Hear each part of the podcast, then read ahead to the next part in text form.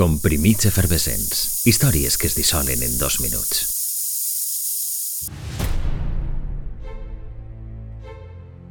Vol 610 d'Ibèria.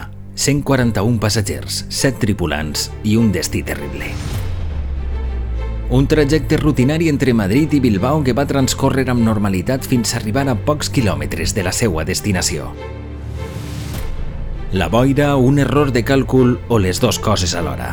Un 19 de febrer un Boeing 727 s'estavellava a les muntanyes de Vizcaya. El pitjor accident aeri del País Basc.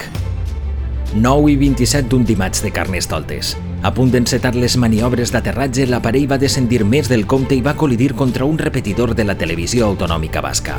L'impacte va danyar seriosament la part inferior de l'avió que va perdre un ala i va girar sobre ell mateix, estavellant-se contra el vessant de la muntanya d'Oiz a més de 300 km per hora. La col·lisió fou tan brutal que ho desintegrà tot. Moriren de forma instantània els 148 ocupants de l'aparell.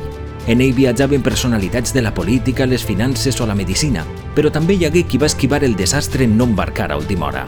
Fou el cas de Francisco Fernández Ordóñez, que es convertiria temps després en ministre d'Exteriors, o de Marcos Vizcaya, portaveu parlamentari del PNB les tasques de rescat estigueren marcades per la descoordinació i posaren de manifest que en aquell moment els serveis d'emergència no estaven preparats per actuar amb eficàcia davant situacions com aquella d'un 19 de febrer de 1985.